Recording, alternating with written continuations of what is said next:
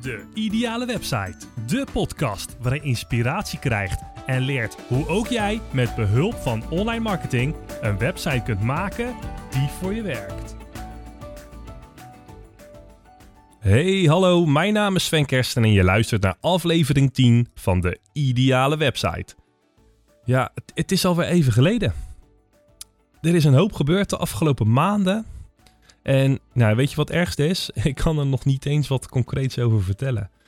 Nou, zo is afgezien van uh, het coronabeleid van de overheid en de uitdagingen die dit privé hebben veroorzaakt in 2020, mijn beste jaar ooit. Een enorme groei in zelfontwikkeling en in mijn onderneming zelf.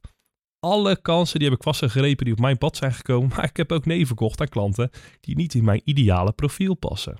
Nou, dit bracht ruimte en heeft ervoor gezorgd dat ik echt kan werken met de ondernemers die bij mij passen, maar die ik dus ook het beste kan helpen. Nou goed, genoeg over mij en over naar het waardevolle onderwerp van vandaag.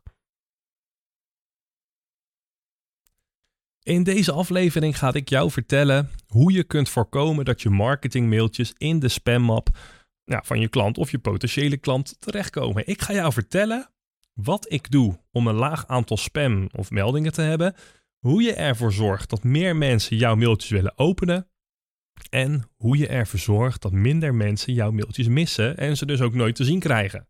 Nou, allereerst, ik wil je alvast zeggen, je hebt absoluut geen controle over het feit of je mailtjes in spammap terechtkomen. Ik heb geen idee waarom dit nu ook ineens zo'n trend is, maar heel veel bedrijven die vragen mij de laatste tijd: hoe krijg ik mijn marketingmailtjes uit de spammap? Waarom verschijnen mijn mailtjes in de Sven? Spam. Ja, dat dus. Nou, ik heb ook abonnees die me vertellen: Hey Sven, jouw e-mails die komen terecht in mijn spammap. Nou, ik denk dat je echt eventjes naar moet kijken. Nou, alsof ik opzettelijk naar de spammap stuur en een soort van controleknop heb waar ik op kan drukken, um, dat het probleem oplost. Nee, gekheid. Zo, zo kijk ik er niet tegenaan. Want ehm, de meeste mensen die denken, oké, mijn mail komt in de spam. Um, het ligt aan de manier hoe ik het verzend. Kan. Nou, het is geen instelling of een plugin. Gmail of Microsoft, dus ook Hotmail, Live, Outlook.com of degene die jouw e-mailserver beheert, ja, die bepaalt waar je e-mail naartoe gaat en of deze de stempel spam krijgt of niet. Nou, je kunt echter wel invloed hebben op de content van je e-mails en je kunt invloed hebben op hoe je klanten omgaan met jouw marketingmailtjes. Want Google die wil helemaal niet dat jouw mailtjes in de spam komen. Nee, het, het klinkt misschien gek, maar Gmail, Microsoft of wie dan ook jouw e-mailprovider is, of van de klant, die wil dat je meer e-mails verzendt. Ze willen je e-mails helemaal niet naar de spammap sturen. Nou, waarom, hoor ik je denken? Omdat Google, Gmail, alleen maar kan bestaan door de betrouwbaarheid van de informatie die het de gebruiker laat zien. Informatie is wat er door de aderen van Google stroomt. Data, data en nog eens data. Stel je voor dat je inlogt op je e-mailaccount en de perfecte e-mail ziet. Waardevolle, relevante inhoud die je leven beter maakt. Nou, dat is toch goed? Stel je nu voor dat je inlogt en die waardevolle e-mails in de spammap ziet. Nou, aan wie ga je irriteren? De afzender of Gmail? Nou, in mijn ogen irriteer ik mij aan mijn e-mailprovider. Ik irriteer me aan Gmail.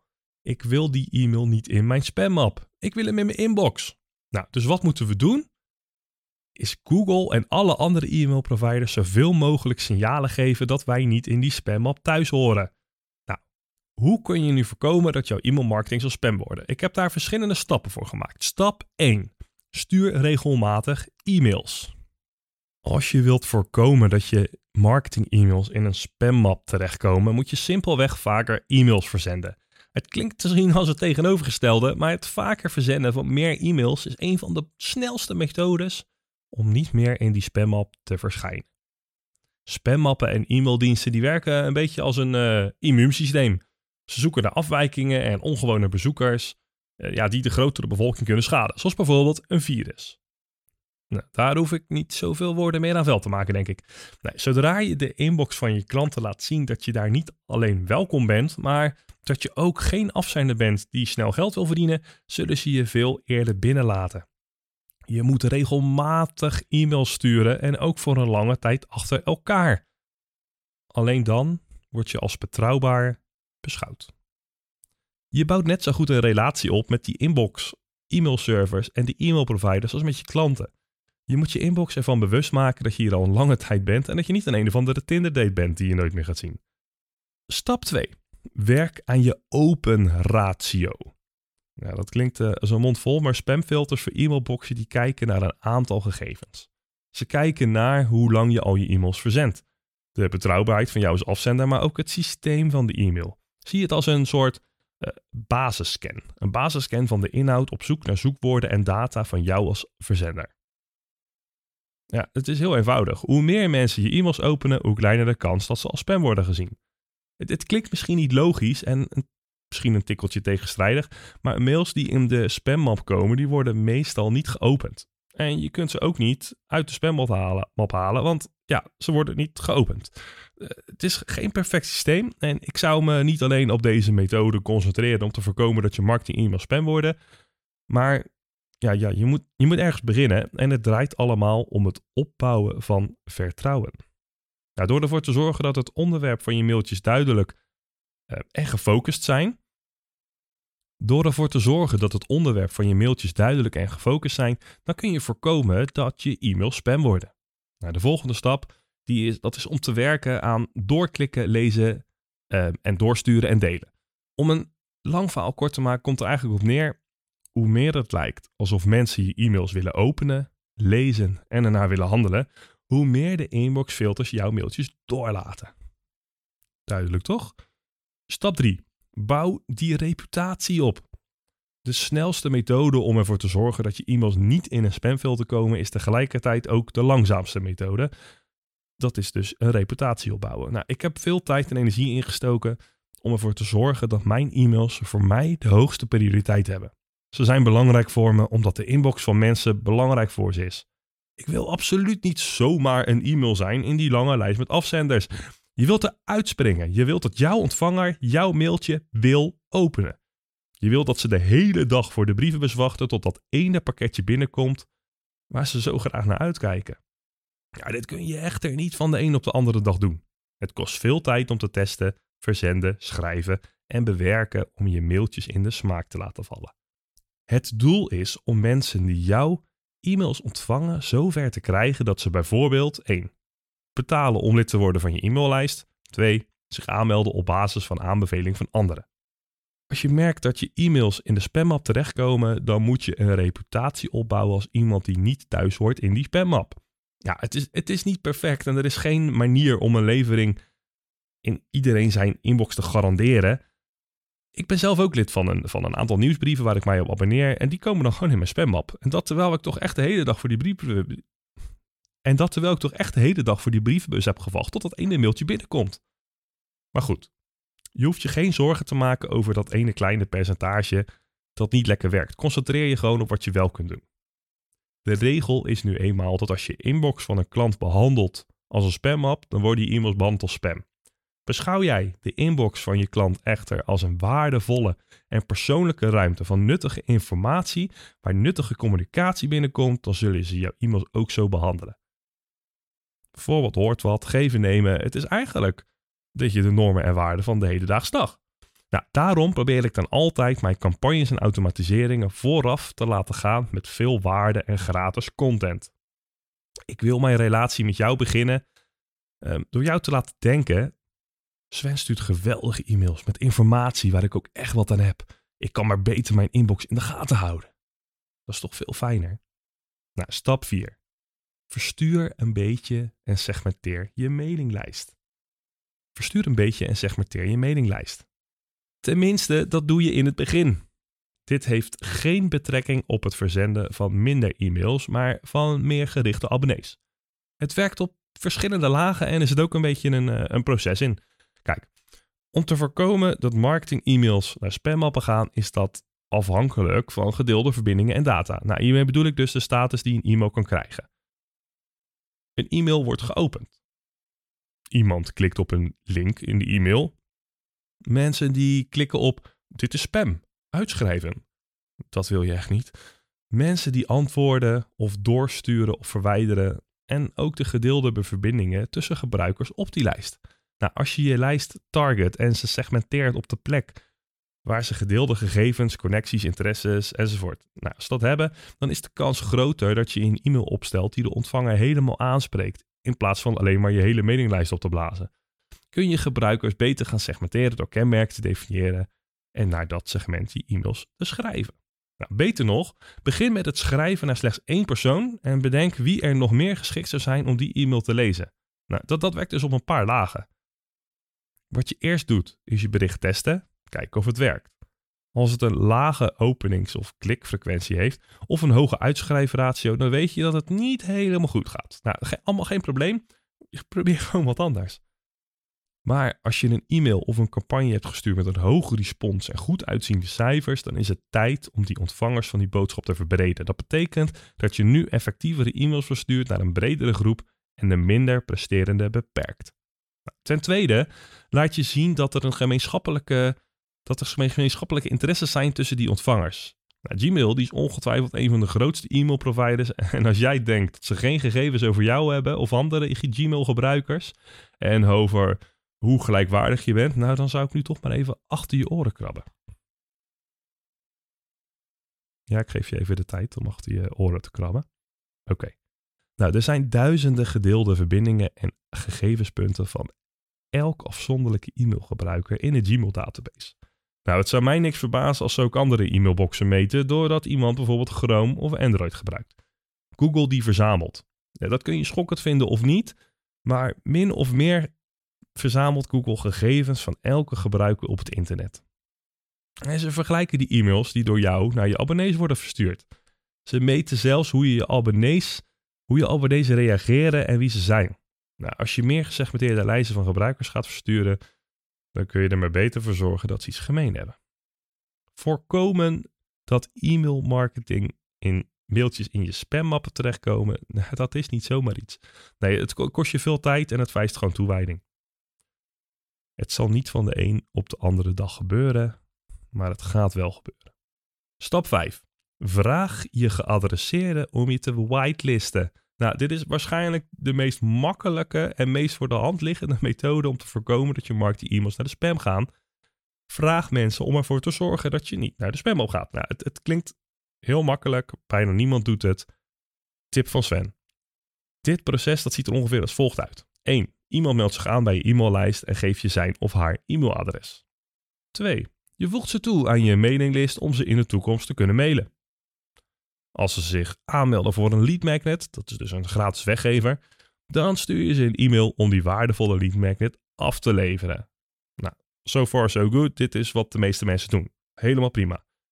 4. Belangrijk, komt ie. Stuur de eerste dag binnen het eerste uur nadat iemand zich heeft aangemeld een welkomstmail met het verzoek om je e-mail op de witte lijst te zetten. 5. Vraag ze ook in de eerste paar opvolg-e-mails om jouw e-mailadres toe te voegen aan die witte lijst. Nou, stuur ze ook wat instructies mee, bladibla. Nou, in, in mijn e-mail welkom sequence, zo noem je dat, ongeacht om welke dienst het gaat, vraag ik mensen om mij op een witte lijst te zetten. En geef ik de instructies over hoe je dat doet. Nou, soms stuur ik ook een link mee naar een pagina waar ik meer uitleg geef over het whitelisten van een e-mailadres om die geadresseerde op weg te helpen. Het idee hierachter is eigenlijk om de lezer te vertellen: als je mijn waardevolle kennis in je inbox wil ontvangen, nou, doe jezelf dan een plezier en voeg mij toe aan die veilige afzenderlijst. De whitelist. En dan nu. Mijn favoriet.